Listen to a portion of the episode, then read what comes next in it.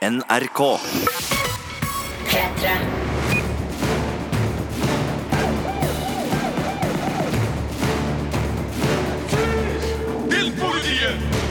Hjertelig velkommen til en ny podkast fra oss i Filmpolitiet, som vanlig med et knippe kinopremierer og én serie eh, denne gangen.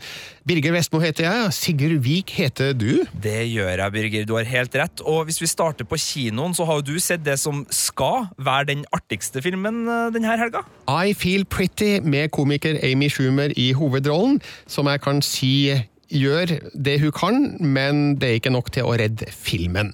Så har jeg også sett det som skal være den skumleste filmen i helga, nemlig Truth or Dare, som dessverre ikke evner å skremme noe som helst. Mens du, Sigurd, har sett The Hurricane Heist. Ja, filmen som skal gi eh, mest uvær eh, på kino i helga, og den eh, har uvær så det holder. En real katastrofe slash ransfilm, det her. Og så har jeg jo da sjekka ut en TV-serie som både jeg og du har gleda oss veldig til, Birger. Eh, Det er sånn at Karate Kid-filmen fra 1984 har fått en slags oppfølger, eh, sånn eh, ja, ganske mange år etterpå, godt å være 30. Kobra Kai er nå ute på YouTube, og den har vi sjekka ut. Vi skal også innom den nye danske Netflix-serien The Rain, der jeg har møtt hovedrolleinnehaver Alba August. Og så skal vi innom den forestående filmfestivalen i Cannes, og du får høre om de antatt viktigste filmene som skal vises der. Filmpolitiet. Filmpolitiet anmelder film. Oh my god, you see this? Yes. I mean, look at me. Look at my jawline. No, no, I, I always, I always wanted this to happen. I, you, you dream that this will happen, but I never thought it would really happen. I mean, look at me. Look at my boobs. Look at my ass. I'm beautiful. Amy Schumer spiller hovedrollen i komedien I Feel Pretty, og la det være sagt med en gang, jeg har stor sans for Amy Schumer, en av vår tids mest talentfulle komikere, og hun spiller med alt hun har her, og gjør en skikkelig eh, høyenergisk innsats, Eh, og det er vel det som redder I Feel Pretty fra direkte slakt, eh, fordi Historien har en del feil og mangler som er umulig å overse. Er du interessert i å høre hva det her handler om, Sigurd? Absolutt. Er veldig spent. Ja, et, et ledende spørsmål, for Ja. jeg har kommet til å, å, å sagt det uansett. Ja, da sier jeg nei takk. Det, det handler om René, eh, spilt av Amy Schumer, som um, ikke har den største sjøltilliten. Hun syns hun er feit, stygg og fæl. Uh, så får hun et eh, slag i hodet, og eh, når hun kommer til seg sjøl og ser seg i speilet, så ser hun den dama der som virkelig har fått den kroppen hun alltid har ønska, og det utseendet hun bare har drømt om. Og med det kaster hun seg ut i nye eventyr, både i jobbsammenheng, i et kosmetikkfirma, og hun møter en mann på et vaskeri som hun innleder et forhold til, og ja, stiller da med en helt annet mot i hverdagen enn hun gjorde før. Og så er tvisten her at eh, René ser jo akkurat likedan ut.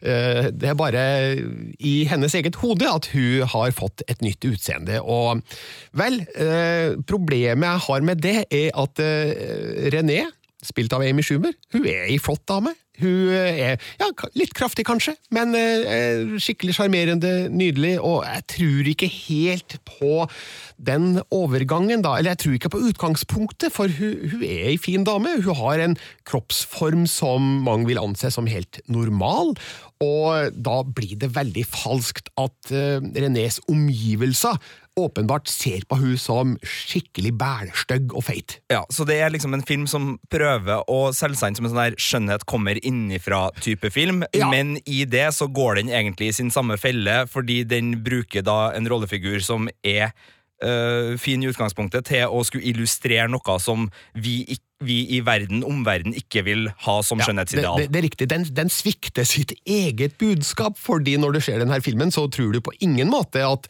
jo da, skjønnheten den kommer innenfra. Fordi eh, figuren eh, er skjønn eh, to begin with. Eh, der eh, syns jeg at manusforfatterne har gjort en brøler. Og jeg skjønner jo hva de prøver på, men det blir veldig falskt når eh, hovedfiguren da mot slutten av filmen, uten å spoile, heller en skikkelig moralpreken om hva det er som gjør kvinner vakre.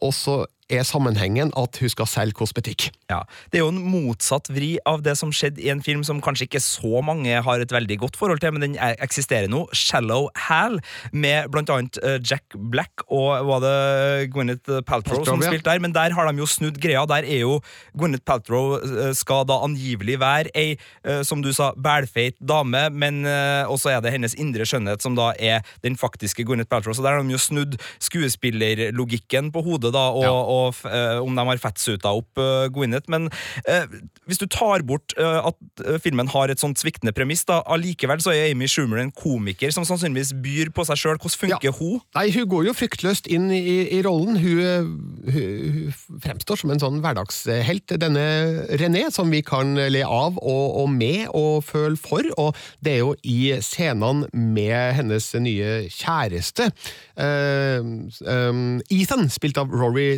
Scovel, det er der jeg syns filmen har sine beste øyeblikk. Og er der vi har eh, noen ektefølte scener som man kan eh, relatere seg til og sympatisere med. Men det er altså den overhengende historien som jeg mener svikter figuren, og som gjør at I Feel Pretty avgir motsatte signaler enn det den gir seg ut for å sende ut. Og derfor så syns jeg at I Feel Pretty feiler, eh, og jeg kan ikke gi mer enn Terningkast tre. Filmpolitiet. P3. P3. Filmpolitiet anmelder film. We're about to be crushed by the biggest storm of the century. I knew today was going to be. Let's load up. This is gonna be harsh! What?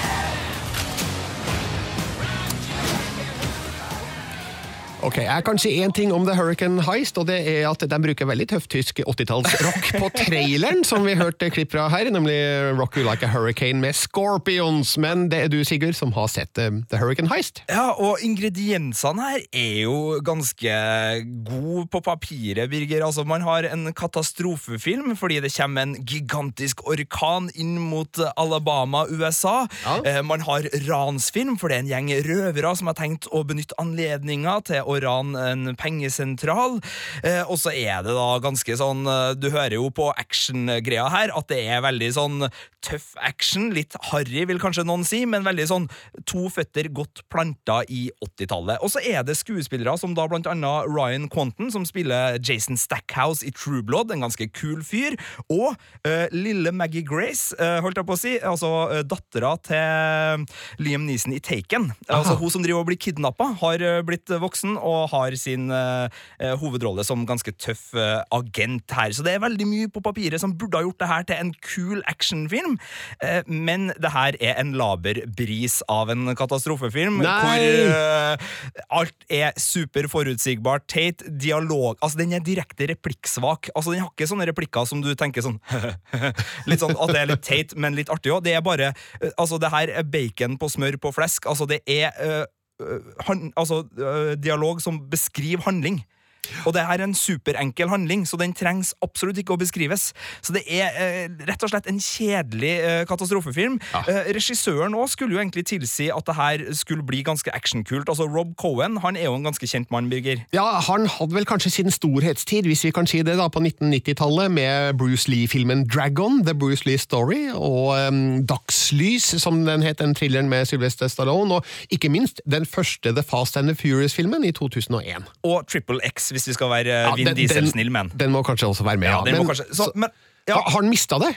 Han har mista det, rett og slett. Altså, han får fremdeles til ganske kul bilaction, og det er en del sekvenser, men altså uh, Alt av uh, litt sånn uh, feinschmeckeri som må til for å gjøre denne type actionfilmer til noe som virkelig kribler litt i magen og funker til popkornbegeret, det er helt blåst bort, for å bruke orkanmetaforen.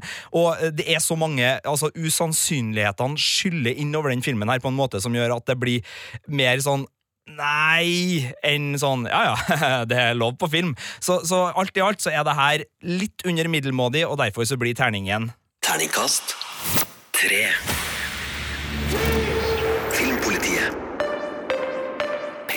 Du hører Filmpolitiet med Birger og Sigurd, og du, Sigurd, har eh, gått inn i serieverdenen. Der skjer det ting av stor interesse. Det har vært en veldig eh, fin eh, uke for oss som er glad i eh, en knippe kvalitetsserier, for det har kommet en rekke gode nyheter nå. Vi kan starte med at HBO-serien Westworld har blitt fornya for en sesong tre.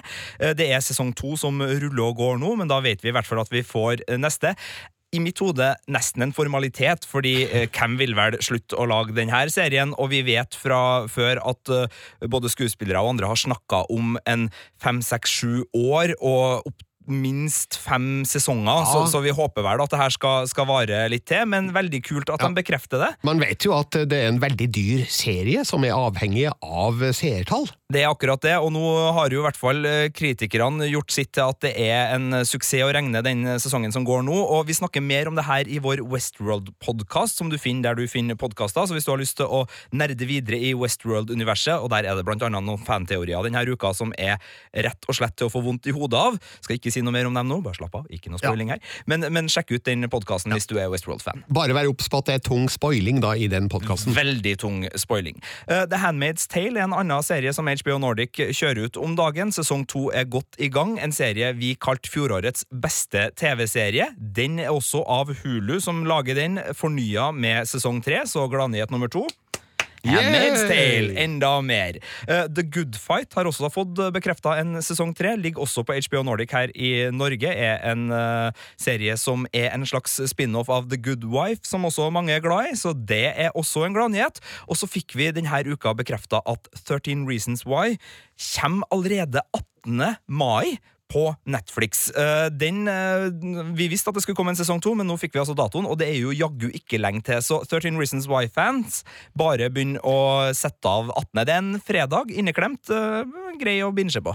Og så har vi en litt trist nyhet til slutt, da, og det gjelder Unbreakable Kimmy Schmidt, fordi nå ser det ut til at det kanskje er over.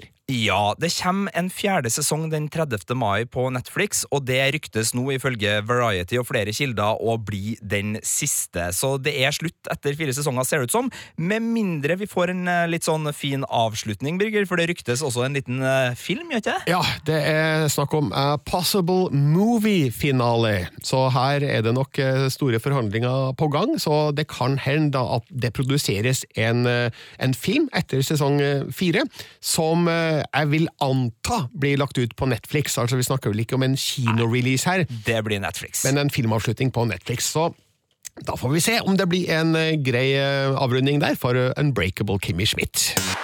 P3.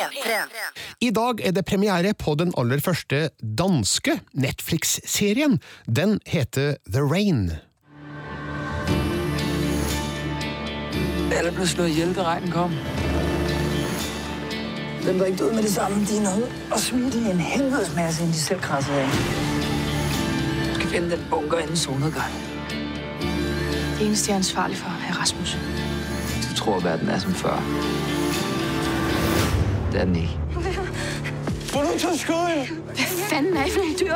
Hun har smittet. Snart din fod rødt vandet. Ja, Jeg skjønte ingenting av det som ble sagt her, men serien er vel eh, sikkert da teksta på norsk? Det må vi satse på at Netflix har fått til, om ikke engelsk, for vi forstår hinan ikke! Eh, Så da er det greit å ha et ekstra språk eh, når det gjelder det danske. Men det her er da den første danske Netflix-serien. Har premiere i dag, åtte episoder, og premisset er at seks år etter at et eh, regnbårent virus har eh, utsletta store deler av Skandinavia, eh, så er det to tenåringer som har overlevd i en bunker. De kommer ut, og så er det jo deres eh, nye verden da som utforskes i denne serien. Eh, Den er anmeldt av oss i Filmpolitiet av kollega Christian Kvamsø. Anmeldelsen ligger ute på p3.filmpolitiet, så det er bare å gå og lese den. Kan avsløre at han har overskrifta 'Spennende dansk dystopi med potensial', og gir terningkast fire for det som er da de tre første episodene han har sett av de totalt åtte. Eh, Jeg har møtt hovedrolleinnehaver Alba August, som eh, Jeg må nå nesten si det, hun er datter av eh, den danske regissøren Bille August og den svenske skuespilleren Pernilla August, altså Shmi i Star Wars. Shmi Skywalker. Det er det hun er mest kjent for. I hvert fall eh, for de som eh, er P3-lyttere. May the fourth be with you, Birger. Ja, takk skal du ha for det. Eh, Jeg møtte Alba August i Berlin på filmfestivalen der i februar, der hun var med en film om den unge Astrid Lindgren, som hun da spiller. Og samtidig så fikk jeg Alba August til å fortelle litt om den nye serien da, The Rain. The Rain er en postapokalyptisk serie eh, som försiggår seks år i framtiden der vi følger en grupp unga som forsøker å overleve fra eh, regnet. Og regnet kommer med en virus så hele Skandinavien er utplånat. Så att eh, det är liksom en, en grupp unga människor som försöker att överleva och hitta sig själva i det här universumet där alla har, de har förlorat allting, de här karaktärerna vi följer. Eh, och så blir de liksom beroende av varandra på något sätt för att överleva. Er det mer action, thriller, spenning? Mm, absolut, Ja. absolut. Jag filmade The Rain precis efter Astrid och Astrid var liksom en mer, vad ska man säga, emotionell psykologisk resa for meg. Ehm, så det var veldig skjønt å gjøre noe helt annet når jeg hoppet inn i The Rain som var en liksom Alltså jättemycket action og och, och fysisk, fysiska scener som liksom eh, kom med en annen slags energi og helt andre scener Og, og castet eller hele casten, jeg var liksom på min ålder så det det vært en helt annen resa. At det er den første danske Netflix-serien, eh, betyr det noe? Absolut, det, det är jättestort för Danmark tror jag. Ehm, och man märker liksom att man är en del av, ett, av en större maskin på något sätt. Publiken är ju mycket, mycket större. Eh, Netflix har liksom miljoner av subscribers. Ehm, så att, men vad det rent innebär, det, det får vi se när den kommer ut, som är i maj. Ja, og det er altså i dag The Rain har premiere på Netflix. Her hørte du Alba August, som spiller hovedrollen i den. Og du finner anmeldelsen på p3.no Filmpolitiet. P3. Filmpolitiet anmelder film. Ty, Carter, truth. what are your intentions with our sweet Olivia? I needed to find someone with friends that I could trick into coming here. I could tell Olivia was an easy target. I brought you all up here because I'm okay with strangers dying if it means I get to live. What the hell? The game's real.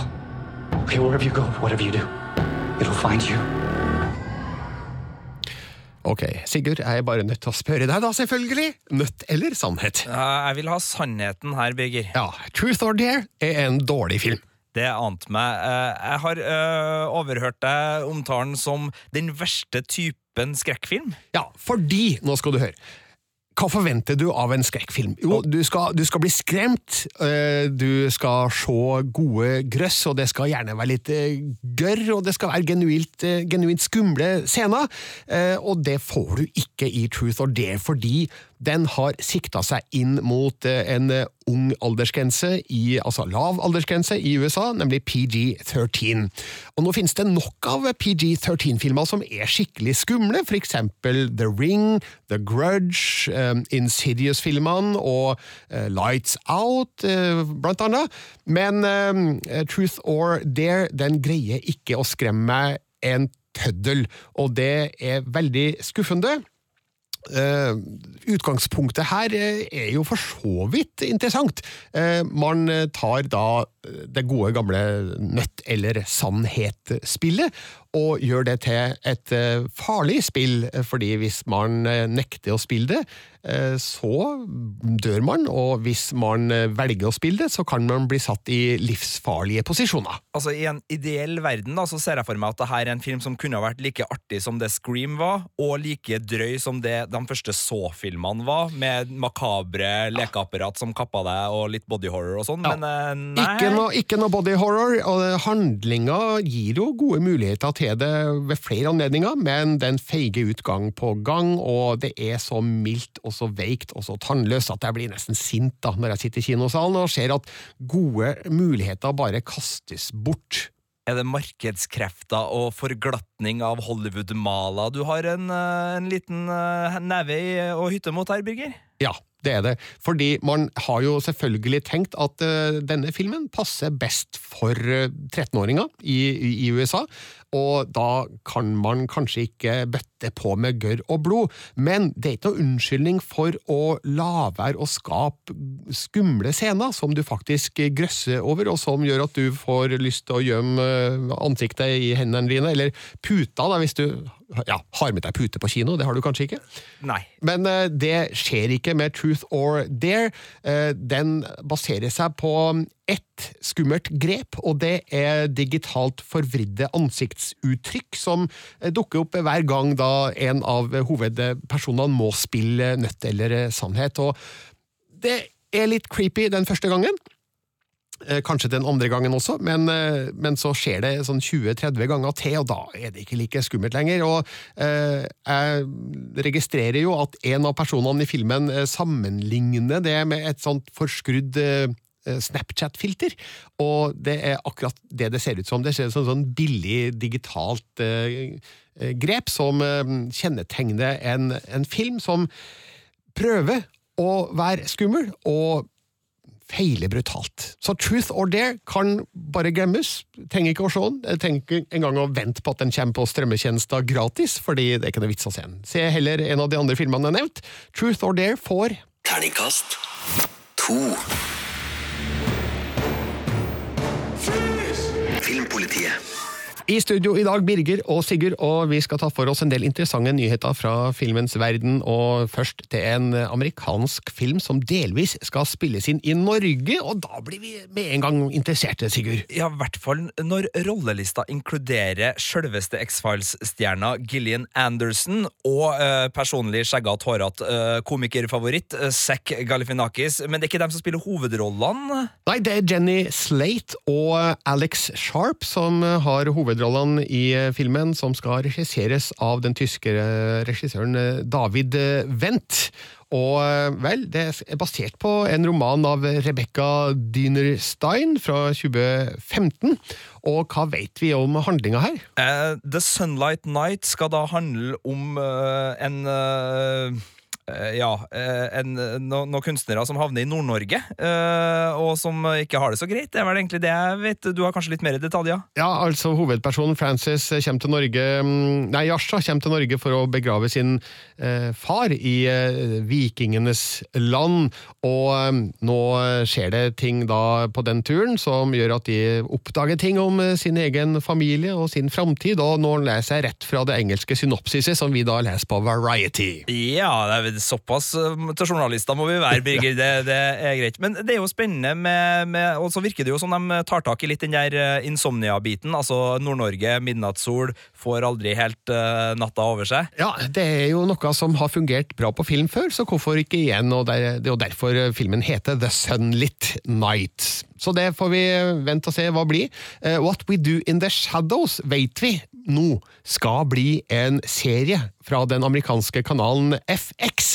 Og da blir jeg glad, for What We Do In The Shadows en av de morsomste filmene jeg har sett. Ja, og nå må jeg bare medgi at sjøl om du kalte den vampyrfilmenes Spinal Tap da du anmeldte den, og den har eh, fantastiske folk på rollelista, så har ikke jeg sett nå? Nei, og det er nesten oppsigelsesgrunn, Sigurd, men ja. det er gode muligheter til å se What We Do In The Shadows eh, på nett, så vær så god, der har du noe å gjøre i helga.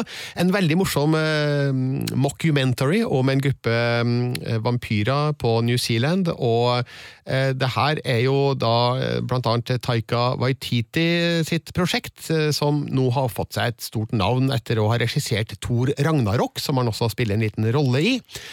Eh, Jermaine Clement, eller Clement, ja. som kanskje er mest kjent fra Flight of the Concords-serien. Han var en av de andre som eh, produserte og spilte i serien, og de skal være executive producers da på FX-versjonen, som eh, er satt i New York. Ja, og jeg vil bare ramse opp en del ting som gjør meg veldig gira. Altså, FX lager annet Fargo, de lager The American, så FX er kul. Uh, Clement er med annet i FX-serien Legion, hvor han har en kjempekul rolle nå, så, og, og du nevnte Tor Ragnarok. Altså, det her er folk som har så bra bra driv i karrierene sine, og de har havna på en så fin plass at det her har jeg skikkelig trua på, sjøl om jeg ikke har sett filmen. Nå skal det også sies at uh, Vaika Nei, Taika Waititi Herregud, det ble vanskelig. Si det kjapt tre ganger. Taika Waititi og Jermaine Clement de, de jobber da uh, samtidig med en slags uh, oppfølger til What We Do In The Shadows som spillefilm. Og Det skal handle om en gruppe varulver som vi møter så vidt i den filmen. Og spin-off-filmen heter da We're Wolves. Ja. Smak på den. We're Wolves. Eh, samtidig jobber de med en spin-off-serie i New Zealand eh, som skal hete Wellington Paranormal, og som handler om eh, to eh, politifolk, Karen og Mike, som man ser så vidt da i What We Do In The Shadows. Så den mockumentaryen den eh, får eh, en del oppfølgere både her og der. Solo av Star Wars Story er jo også en spin-off film. Det begynner å nærme seg. Den skal vises i Cannes 15. mai, og får da verdenspremiere 23. mai. Og allerede nå ser det ut som at eh, åpningshelga blir svær. Ja, eh, det er jo sånn at eh, predictive eh, analytics begynner å bli en svær greie, der folk mer eller mindre ikke trenger å vente på at folk har sett filmen for å vite hvor mange som skal se filmen. Og er det 170 millioner dollar, det er vel bare i USA, ikke det, Birger? At det er forventa det? Og jeg vet ikke hvor mange billetter det blir sånn akkurat, men en haug? Ja, det, det er mye det er mye penger det er snakk om, så uh, suksessen virker allerede å være sikra, sjøl om vi hadde vel egentlig ikke forventa noe annet. Ja, så er det jo verdt å merke seg da, at I uka som gikk, så tok Star Wars den fine gesten og ga en lightsaber til Infinity-gjengen i Marvel som et sånn her Dere har hatt ei bedre åpningshelg enn oss. Så spørs det jo da om eh, Infinity-gjengen, eller altså Marvel-gjengen, må gi tilbake den, da, hvis eh, Solo eh, igjen da tar og vinner tilbake åpningshelgtoppen. Det skal godt gjøres å ta igjen Avengers ja. Infinity War, fordi der tjenes det store penger, og det er da ekstremt mange som er interessert i å se den filmen. Det er òg veldig mange som er glad i den franske serien Le Bureau, som eh, ligger ut i tre sesonger på mm, NRK, eh, og der vet vi allerede at den eh, fjerde sesongen er bekrefta og under arbeid. Nå vet vi også at det tenkes på en femte sesong, og det her vet jeg fordi eh, manusforfatter Camille de Castelnau besøker nordiske mediedager i Bergen akkurat nå, og har sagt der i dag at eh, hun er i gang med å tenke ut ideer for en femte sesong. Så vi vet jo ikke om det faktisk blir en sesong fem, men at manusforfatteren tenker på det, det er jo en god start, syns jeg. Fantastisk serie, fantastisk nyhet. P3. Filmpolitiet er anmelder TV-serie. Watch your car, man. Get the hell out of here, loser.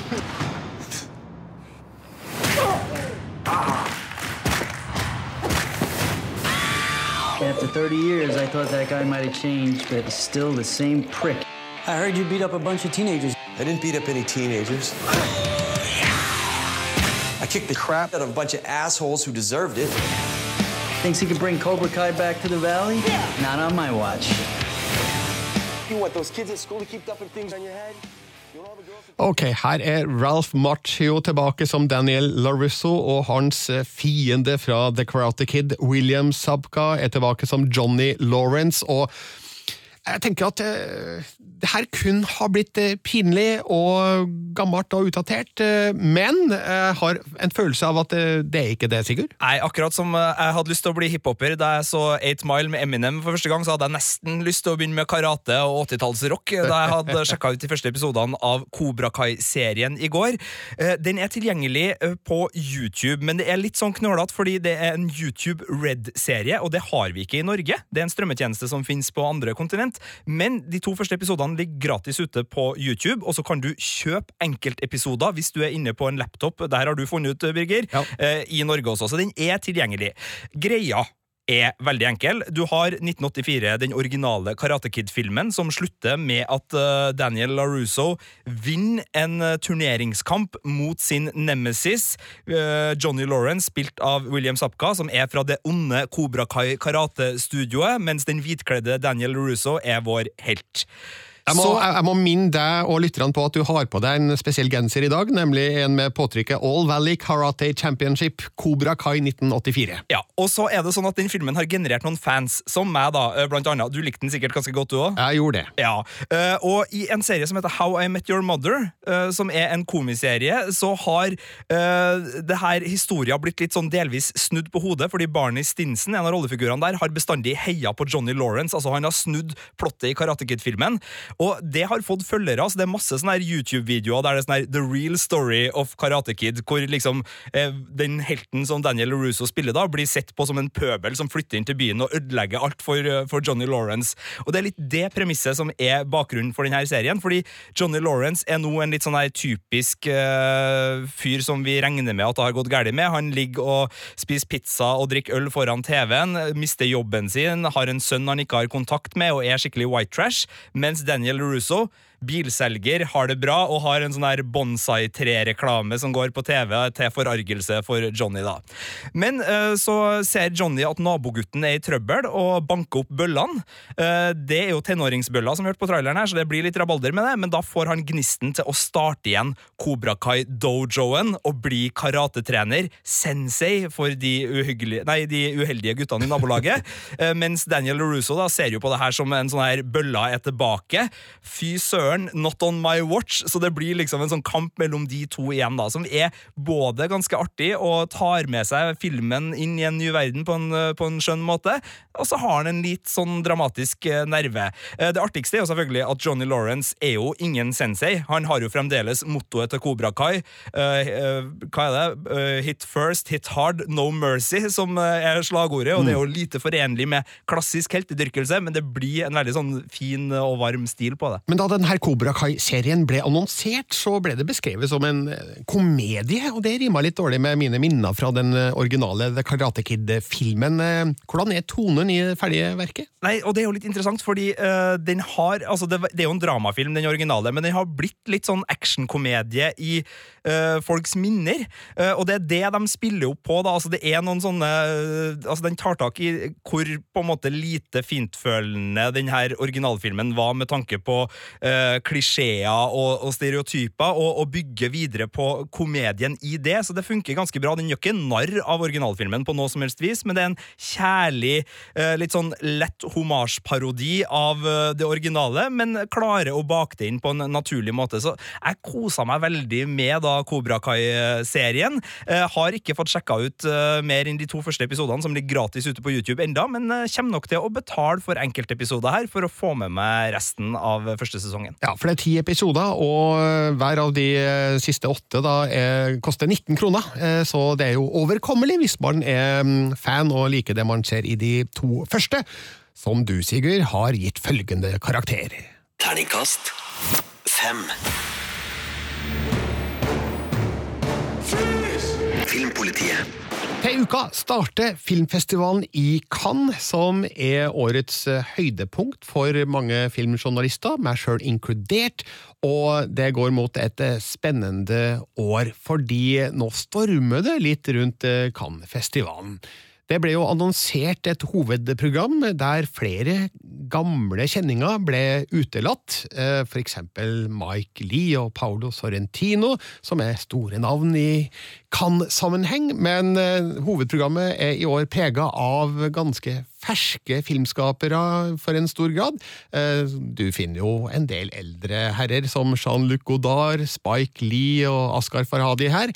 Men eh, det er også en del ubeskrevne blad som da får sjansen til å vise frem filmene sine på verdens eh, største og viktigste filmfestival. Ja, eh, Det har jo også vært litt kontroverser rundt et par av filmene i hovedprogrammet, blant annet hvis man tenker litt uh, Terry Gilliam og sånn. Hva er det som har skjedd der? Ja, Der har det vært noe rettsproblematikk uh, som uh, involverer en eksprodusent av filmen, som gjorde det litt eh, uvisst om den kun vises i Cannes, men den er satt opp da som avslutningsfilm, The Man Who Killed Don Quijote av Terry Gilliam, som jo har en, en uvanlig lang historie bak seg, med en innspilling som ble avbrutt, og finansiering som falt fra, og en eh, hovedrolleinnehaver som ble sjuk, osv., osv. Do dokumentert i filmen Lost in La Mancha, som anbefales de som er interessert i film. Eh, men det er jo flere andre ting ved årets Cannes-festival som er kontroversielle. Det er mange som mener at festivalen ikke har eh, reagert kraftig nok på metoo-kampanjen, og det har sin bakgrunn i at Harvey Weinstein har brukt Cannes-festivalen som arena for flere av sine ja, overgrep, det er jo det det er snakk om her. Så um, det er noen som mener at Cannes-festivalen burde ha jobba um, mer for å ta avstand, og for å inkludere kvinner i uh, sitt hovedprogram. Det er bare tre kvinnelige regissører på programmet i år. Eva Husson, Nadine Labaki og Alice Rohrwacher. Og det er flere som mener at her burde Cannes-festivalen ha gjort mer for å inkludere kvinner. Um, jeg så en uh, talskvinne for metoo-kampanjen uh, som heter Kate Muir, som uh, mente at det kan fremdeles en, en arena for uh, mannlig intellekt og kvinnelig skjønnhet. Og uh, vel, vi får se om det er sånn i år også, men legger merke til at stjernedrysset over kan det virker å være litt mindre av det i år enn tidligere. Det er stjerner som skal være med der, f.eks. Javier Bardem og Penelope Cruz for åpningsfilmen Everybody Knows. Spike Lee er jo en kjent regissør, han deltar. Og så kommer jo hele solo av Star Wars Story-sulamitten på besøk for å vise filmen der 15. mai. Så det er selvfølgelig stjerner til stede, men det virker ikke å være like mange som før, og det kan ha bakgrunn i at Hollywood ikke lenger ser på Cannes som en viktig nok arena for å lansere sine filmer. Hva er de aller største titlene som du personlig har merka deg før festivalen? Birger? Ja, altså, Jeg er veldig spent på Spike Lee-filmen Black Clansman med Uh, Andrew Garfield og Topher Grace, blant annet. Jeg er spent på Under the Silver Lake, som er den nye filmen fra David Robert Mitchell, som sto bak It Follows, som ble en stor suksess på Cannes-festivalen da den kom. Så er det selvfølgelig Solo av Star Wars Story, som er det store kommersielle høydepunktet under årets festival. May the fourth be with you, Birger. Ja, takk skal du ha. Og så er jo selvfølgelig alle spente på Lars von Triers tilbakekomst til Cannes, der han ble bannlyst for noen år siden da han kom med en nazi vits på en pressekonferanse. Eh, nå skal han vise sin nye film The House That Jack Built, eh, som vises da utafor konkurranse. Og så Det er en film til som jeg må nevne, ut ifra alle de hundre filmene som skal vises i Cannes. Det er 2001, En romodyssé av Stanley Kubrick. For den skal vises i sideprogrammet Cannes Classics i en helt ny 70 mm-utgave, som er urestaurert, og det er Christopher Nolan som står bak det her prosjektet, og han har da sørga for at det har blitt laga en helt ny 70 mm-kopi basert på originalnegativet av Stanley Kubricks klassiske sci-fi-film, så her har man ikke juksa til, man har ikke strøket eller digitalt omgjort noe som helst. Her får du da 2001 en romodyssé omtrent akkurat som det den fremsto da ved premieren da i 1968. Å, det der er så fint. Jeg vil bare si at Christopher Nolan har jo en bror som heter Jonathan Nolan, og for dem som sitter og ser hans serie Westworld om dagen, hvis dere har lyst til å se Artificial Intelligence på det store lerretet, sånn som det virkelig kan gjøres, sjekk ut Kubricks 2001 og en romodyssé. Den er en fantastisk kul sci-fi-film. Så nå starter altså filmfestivalen i Cannes på tirsdag, og da blir det rapporter derfra både på p3.no Filmpolitiet og i det her programmet om en uke. P3.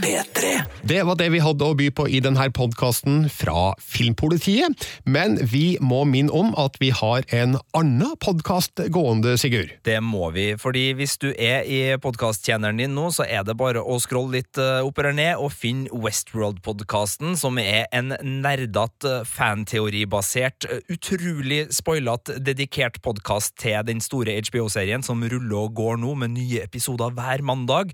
Eh, anbefales kun for dem som er oppdatert på serien og interessert i å virkelig geek out. Og hvis du har spørsmål til den podkasten, send oss bare en e-post til filmpolitiet at nrk.no, eller finn oss på Twitter. Der tar vi også imot spørsmål og kommentarer, ris og ros til hva som helst. Eller du kan gå inn der du hører på podkasten din og legge igjen en beskjed til oss der, og eventuelt gi oss en rating. Så det er bare hyggelig. Kan også nevne helt avslutningsvis at det er et par kinofilmer til som du kan sjekke ut på våre nettsider. Der finner du anmeldelse av premierefilmen Sommerbarn, som er en delvis norskprodusert film fra Island om barnehjemsbarn der, og Den iranske mannen mot strømmen. Birger Vestmo heter jeg. Sigurd Vik heter jeg. Og vi sier takk for følget. Vi er tilbake med en ny podkast om en uke. Du finner flere podkaster på p3.no podkast.